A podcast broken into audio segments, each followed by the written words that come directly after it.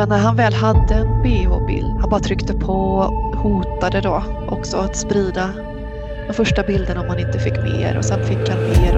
Och då, alltså det, var, det blev som en ond spiral för barnen.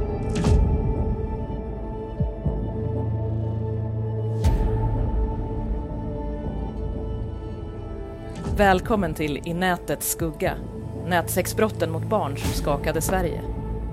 Jag heter Caroline Engvall och är journalist och författare specialiserad på sexualbrott mot barn på nätet. Det här avsnittet rör sig på en av barnens mest populära plattformar, Snapchat. Men den app som ska vara en plats för underhållning och gemenskap kan också bli en plats för ett rent helvete.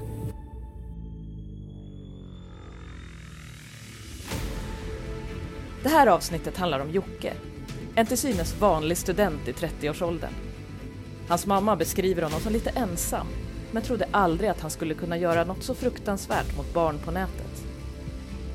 Vi ska försöka förstå vad som driver en person att skapa mängder med alias, låtsas vara olika personligheter och hota barn med olika saker för att de ska skicka nakenbilder till honom.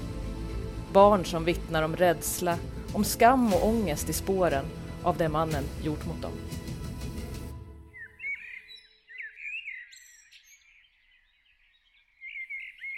Det är 2018. Sommaren är den varmaste i mannaminne. Och det som skulle kunna ha varit en sommar av skratt och glädje för många barn blir istället för hundratals barn runt om i Sverige en sommar av skräck och skam.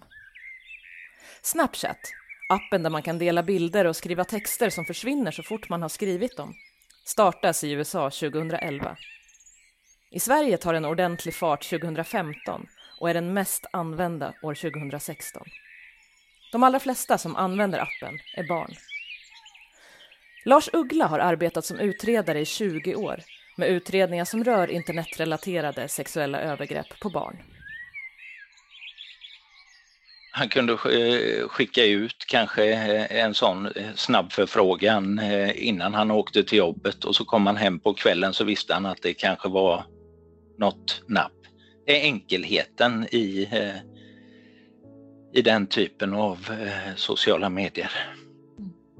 Eh, och att man kan nå ut med en massförfrågan till en skola. Eh, eh för många, de samlar ju på sig vänner eh, i stort sett i hela, hela skolan. Och det når ut till allihopa samtidigt. Här startar allt med Lars Uggla och hans team? Första gången eh, som vi stötte på det här eh, ärendet egentligen, det går ända tillbaka till 2018. Eh, jag och en kollega som heter Andreas, vi arbetar med spaning egentligen på, på nätet och letar efter gärningsman eh, utifrån en anmälan. Och vi hade ju observerat att det var en gärningsman som eh, gav sig på unga tjejer på eh, Snapchat. Och det som gjorde att vi reflekterade över att det var samma gärningsman, det var ju uttrycken den här personen använde. Sen var det olika olika användarnamn hela tiden. Men eh, vi såg ändå ett, eh, ganska tidigt ett mönster eh, på att det var en och samma gärningsman.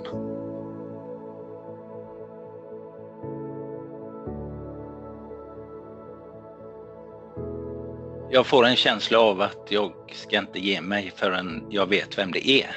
Det är då börjar man arbeta med alla öppna källor eh, som finns och man söker eh, överallt och vi eh, skickar begäran på användarnamnen och det är ju en känsla av att den här personen ska vi ha tag på till, till slut.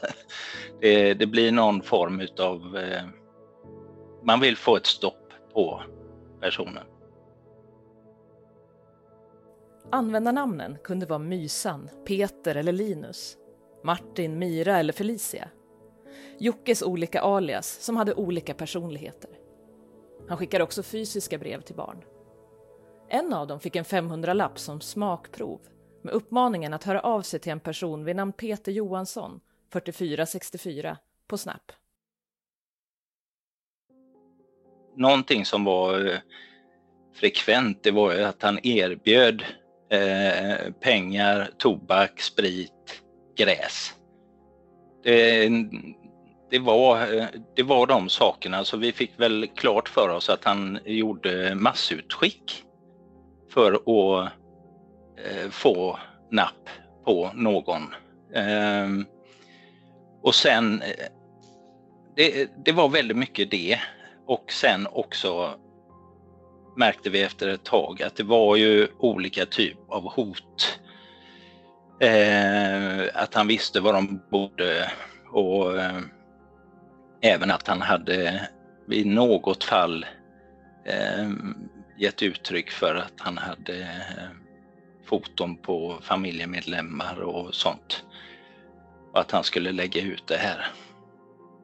Eh, Sen var det också att det ganska, ganska snart efter första kontakten så kom en annan eh, användare in. Jocke hade alltså flera olika identiteter på nätet. Tillvägagångssättet var att fråga efter bilder på överkropp mot belöning, oftast pengar. Ansiktet skulle synas på bilderna och filmerna. Och när målsäganden hade skickat bilden, bilderna eller filmerna på bar överkropp så frågade han efter fler. Han också trissade upp priset och när barnen insåg att de inte kommer att få något av det han hade lovat så blockade de honom på Snapchat-kontot. Jocke skrev då till dem från några av sina andra konton och hotade att han skulle sprida bilder om de inte skickar fler. Han har också installerat ett program på sin telefon där det inte syntes att han sparade ner bilderna från Snapchat. Och det visade sig att det skulle bli svårt för polisen att hitta honom. Vi tyckte att vi hade gjort så mycket vi kunde härifrån och vi hade lagt ut eh, förfrågningar till andra områden och Nej, vi, vi kände att vi måste nog släppa honom. Eh, för vi, eh, vi kommer inte åt. Men så, så hade vi en diskussion med den tekniska inhämtningen på nationella operativa avdelningen som gjorde ett försök. Och de lyckades eh, få indikationer på vart det, eh, vart det lutar. Så vi inledde en liten fysisk spaning på den här personen för att se hans rörelsemönster och vi var väl ganska säkra på sen att, att det var han. Och då var det Ja, det är, det är en otrolig lättnad eh, men samtidigt också en spänning eh, över att eh, eh, få få honom vid rätt tillfälle och få möjlighet att se vad han har för något i sina tekniska, sin tekniska utrustning. Vi, eh, vi hade ju en känsla av att han, eh, att han hade ett tekniskt kunnande så vi ville att det skulle gå fort och eh, snabbt och därför så eh, använde vi oss av eh, en eh, insatsstyrka härifrån Region Väst ehm, och, och, det är ju framförallt för att eh, överraska och inte låta gärningsmannen få möjlighet att eh, göra sig av med någon bevisning. Och det gick bra. Det, tidigt en novembermorgon. Tyvärr så blir det ju alltid tredje, tredje man drabbas också nu. Eh, familjemedlemmar som var hemma och så. En av dem som var hemma vid gripandet var Jockes styvpappa. Så här berättar han i förhör. Strax efter att pappan dog, när Joakim var 20, så träffade han en flicka på nätet. Senare träffade han henne också rent fysiskt. Flickan var 13 år och skulle fylla 14. Jag vet inte exakt vad som hände, men tror att ja, det var ett olycksfall i arbetet. Att Joakim blivit lurad på hennes ålder eller någonting. Joakim blev dömd och han fick betala böter och skadestånd för sina arvspengar. Han blev väldigt bitter. Och jag tror inte att det på något sätt var meningen det han gjorde utan det var en missuppfattning om ålder som ledde till det här. Jocke var ganska naiv. Och att flickor kan se mogna ut, det vet vi ju. Efter den här händelsen upplever jag att Joakim blev mer sluten. Innan kunde han vara lite av en pajas som skojade och så. Han mådde dåligt och slutade att träffa tjejer. Jag har inte satt mig in i händelsen och inte läst detaljer om vad som hände eftersom jag tycker att det här är Joakims privatliv. När polisen hade hämtat in Jocke förnekade han först allt. Den första, det första förhöret var, var han... Eh, det var två kollegor till mig som höll det och han, eh, han var eh, helt frågande och förnekade allting. Sen andra förhöret så fick han klart för sig att vi hade hittat en eh, mobiltelefon. Och eh, då var hans eh, spontana reaktion att ja, den ville jag ju inte att ni skulle hitta. Men sen efter det så, så eh, medgav han delar av eh, det han blev misstänkt för. Jag förstår inte än riktigt hans resonemang kring vad drivkraften är. Eh, det han nämner i eh, förhör är att det handlar om att han vill se hur långt han kan få dem att gå. Och det är den, det är det svaret som har eh, vandrat igenom alla förhör. Alltså, allt var hennes egna idéer. Knulla med gosedjur och porrfilm och så. Jag förstod att hon var väldigt ung men blunda väl för det. Jag vet att det är fel att prata som jag gjorde med en tioåring och det är ingenting jag går igång på. Ja, jag minns att jag hotat henne men det måste ha varit efteråt. Det var liksom ett test för att se reaktionen. En traumatisk händelse för tio år sedan skakade om Jocke och hans mamma har berättat i förhör om hur det här förändrade hennes son. Ja, det var Jocke som gick in och hittade honom och efter det så gick inte Jocke ut på ett år. Vi sökte psykologhjälp och han var där vid tre tillfällen men han pratade inte. Det har han aldrig gjort. Han stänger det inom sig.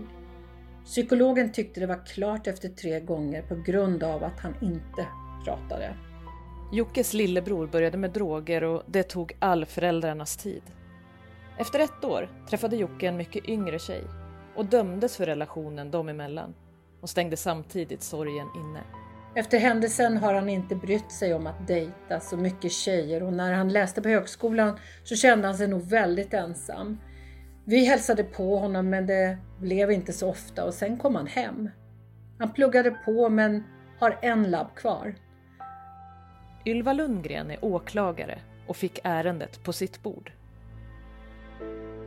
Alltså det var ett väldigt uträknat eh, eh, sätt. Han, han, han, han började ju som han sa själv tråla på, på nätet då, eh, och erbjuda eh, pengar, tobak, alkohol eller gräs då, marijuana, eh, för bh-bild.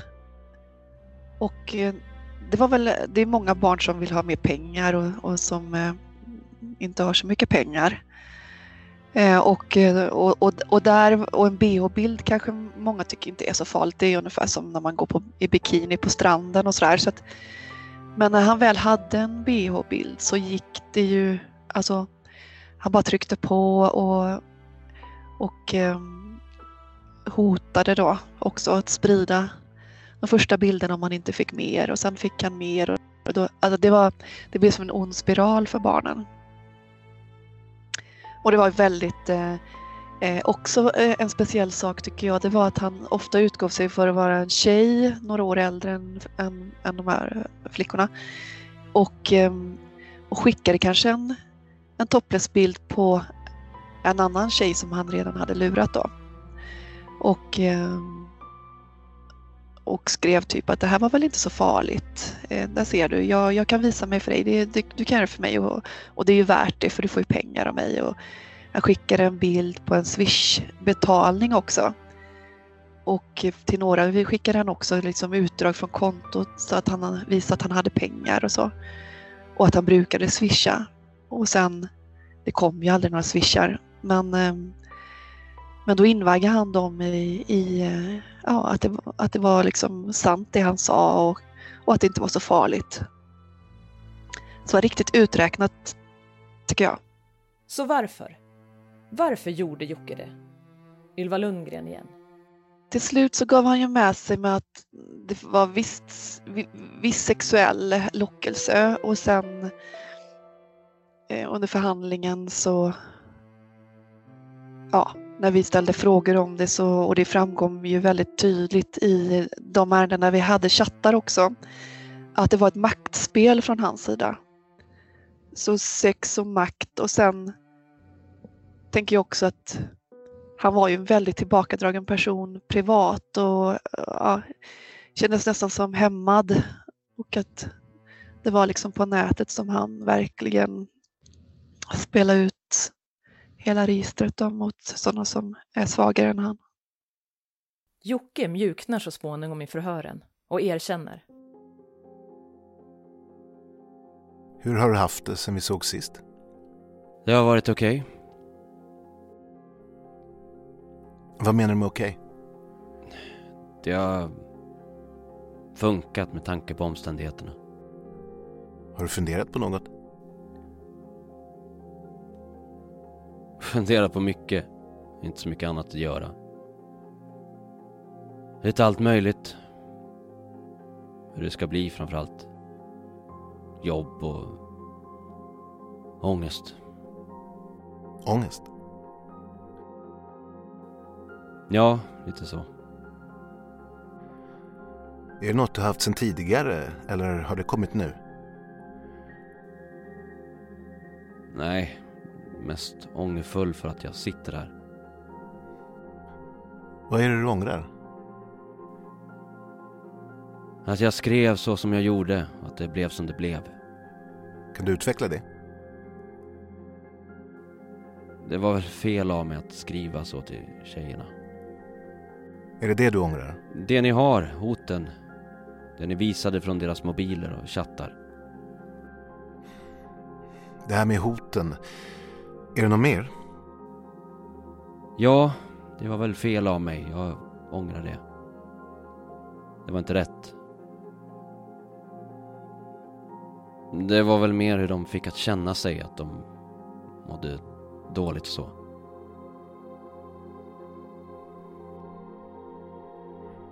Vad gör du på din fritid när du inte är på jobbet? Jag spelar dator mycket. Ser på film. Sen det vanliga, Globo TV och Netflix. Jag har inte ens en hobby jag sysslar med. Sådana saker. Hur kan en helg se ut för dig? Spel med en kompis och film framåt kvällen ibland. Jag går inte ut så ofta annat än på sommaren på krogen och så. Samtidigt som Jocke är häktad och har ångest över det han har gjort mår hundratals barn runt om i Sverige dåligt över hoten han har utsatt dem för. Lars Uggla. Många, många kände ju en eh, framförallt en stor eh, skuld över sitt egna eh, att, de, att de gick på det här och att de sökte då sådana saker som många gånger mamma och pappa har sagt att de inte ska eh, söka.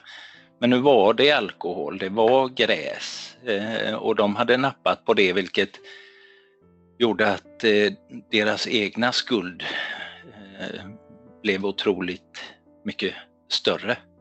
Och många utav de här, nästan alla eh, målsägare i slutåtalet var ju sådana som vi hade hittat efter att vi hade gripit honom. De hade aldrig gjort någon anmälan annars. Ehm, så en otrolig eh, självskuld mm. över att, eh, att de gick på det här och har mått väldigt dåligt. Flera, framförallt hos de mindre barnen, det är ju en förnekelse. Ehm, till och med till och med så långt att eh, de reagerar som att vi har eller någon annan har photoshoppat en bild på dem och eh, kan inte medge att det är de själva som har skickat det här. Eh, väldigt ledsna. Eh, eh otroligt ledsna många. Eh, mycket gråt och ehm, Sen eh, finns det ju andra som tyvärr då har en har en inställning att det inte är så farligt. Det här har jag gjort av fri vilja och eh, jag vet inte vem ni pratar om eller jag skickar till så många och så. Ehm, men det är ju en problematik i sig att, eh, att det har gått så långt hos unga tjejer. En av de utsatta flickorna kan vi kalla Bianca. Här berättar hon om hur kontakten startade med Jocke och hur hon mådde sen. Jag började först prata med Mi Persson. Det var under sommaren i början av skolan. Jag hade börjat röka och ville ha cigg. Hon sa att hon var en ung tjej från Uppsala som var runt 16 år gammal och jag fick en bild på en tjej med bar överkropp och brunt hår. Hon sa att jag kunde få sig, dricka och något mer om jag skickade en bild på mig själv. Sen ville hon ha mer och mer. Till slut orkade jag inte mer så jag tog bort henne. Sen gick det någon vecka och en Peter skickade samma bild som jag hade skickat till Mi Persson. Han sa att han gick på min skola och att han var 16. Han sa att om inte jag skickade allt som han ville ha, vilket var sjuka grejer, skulle han sprida bilder han hade på mig till alla lärare och elever på min skola. Så jag addade Mi Persson igen och frågade hur Mi Persson fick tag på Peter Johansson och varför Mi Persson skickade bilden på mig till Peter Johansson. Mi Persson hade sagt att hon inte skulle spara den bilden. Då svarade Mi Persson med en bild och text. Be om ursäkt med en annan bild så sprider jag inte mer. Några dagar efter det addade en Martin Andersson mig och skrev att han hade bilder på mig och att han kommer sprida det till hela skolan om jag inte skickade fler bilder. Jag skickade bilder och videos varje dag. Förutom strippa skulle jag också ta tvål på överkroppen när jag var i duschen och hoppa upp och ner. Det kändes konstigt. Jag mådde ganska dåligt under den perioden. När han sa att han spridit blev jag paranoid typ. Och om någon kollade lite längre på mig kunde jag tänka, det kan vara han. Åklagare Ylva Lundgren bekräftar bilden om ångest, skam och skuld hos de utsatta. Många barn mådde ju eh, väldigt dåligt. Det som kom fram eh, väldigt tydligt är att de eh, skuldbelägger sig själva. Det är ändå de som har tagit första bilden och skickat iväg. De kände sig så dumma som hade gått på det här.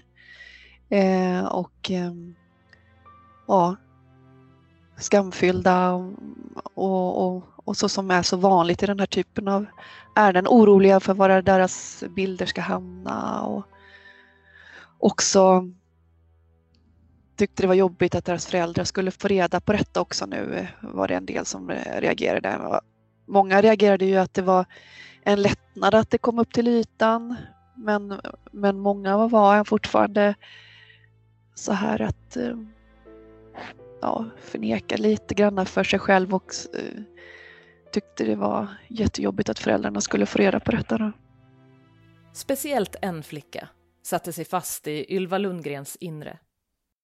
En, uh, en flicka som där han då hade utgett sig för att gå på samma skola som henne.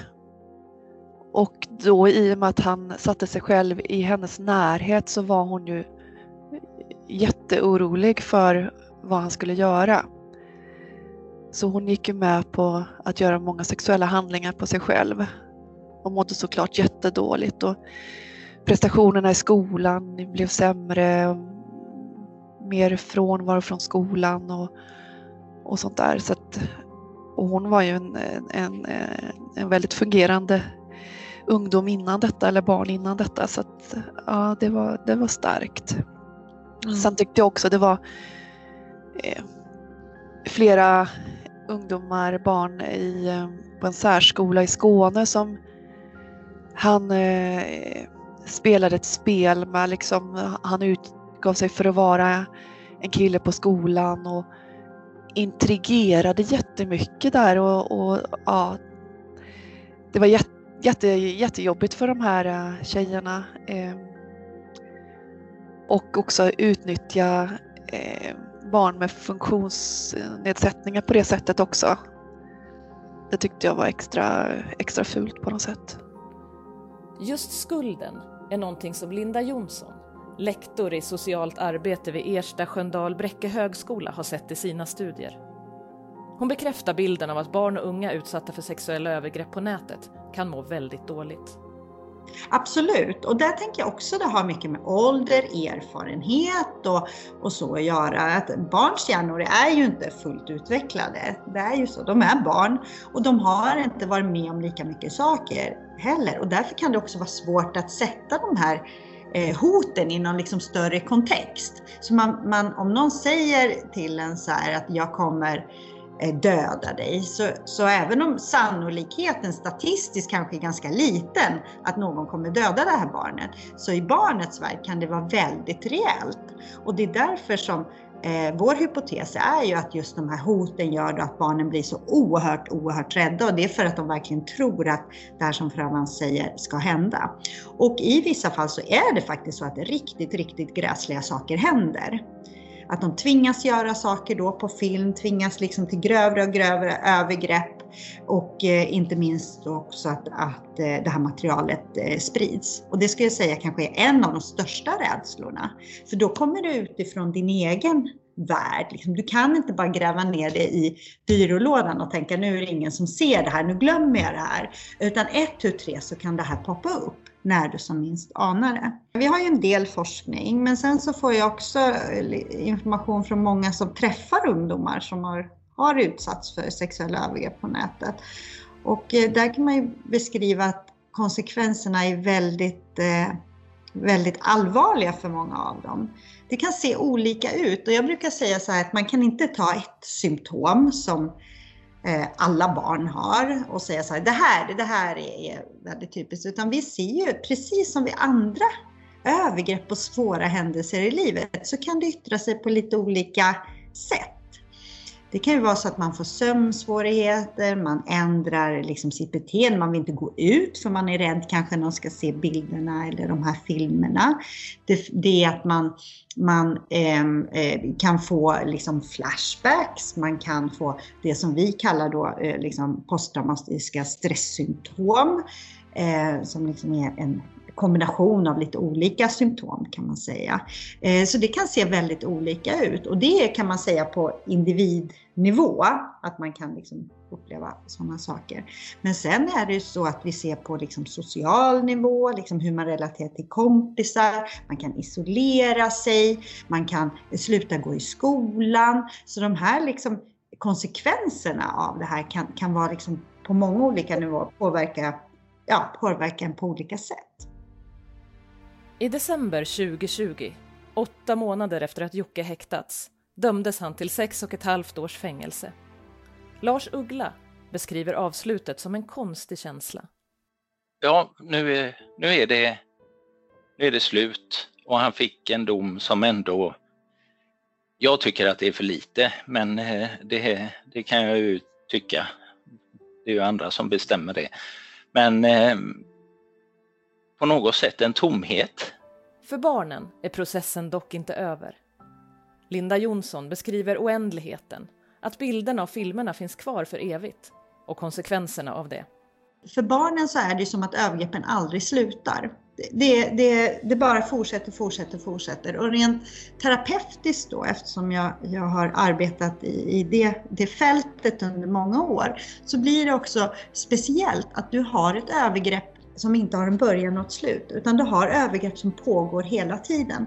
Och det, det handlar ju då om att barnet måste helt enkelt bara eh, acceptera att de här bilderna finns. Man måste bara lära sig leva med den vetskapen att de här bilderna finns.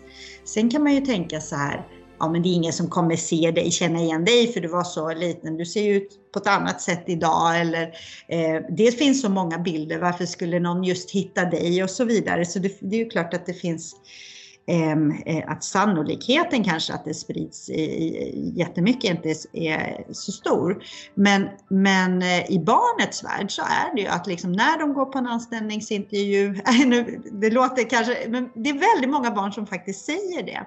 När jag blir vuxen och ska på en anställningsintervju, tänk om den personen, min kommande chef, har sett bilder på mig. Och så vidare. Så de tänker ju väldigt framåt, liksom, att, att det här påverkar dem. Och det, det är också en speciell omständighet med den här typen av brott mot barn.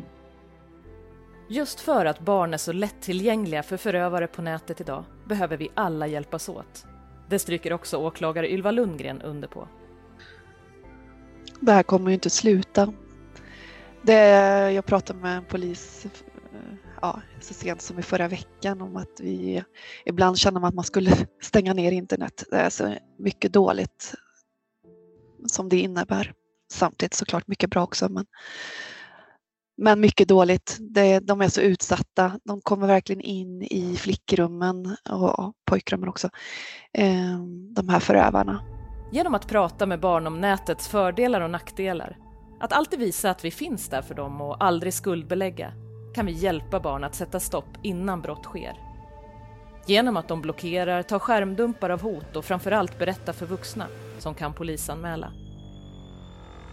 Tack för att du har lyssnat på del två av I nätets skugga, nätsexbrotten mot barn som skakade Sverige.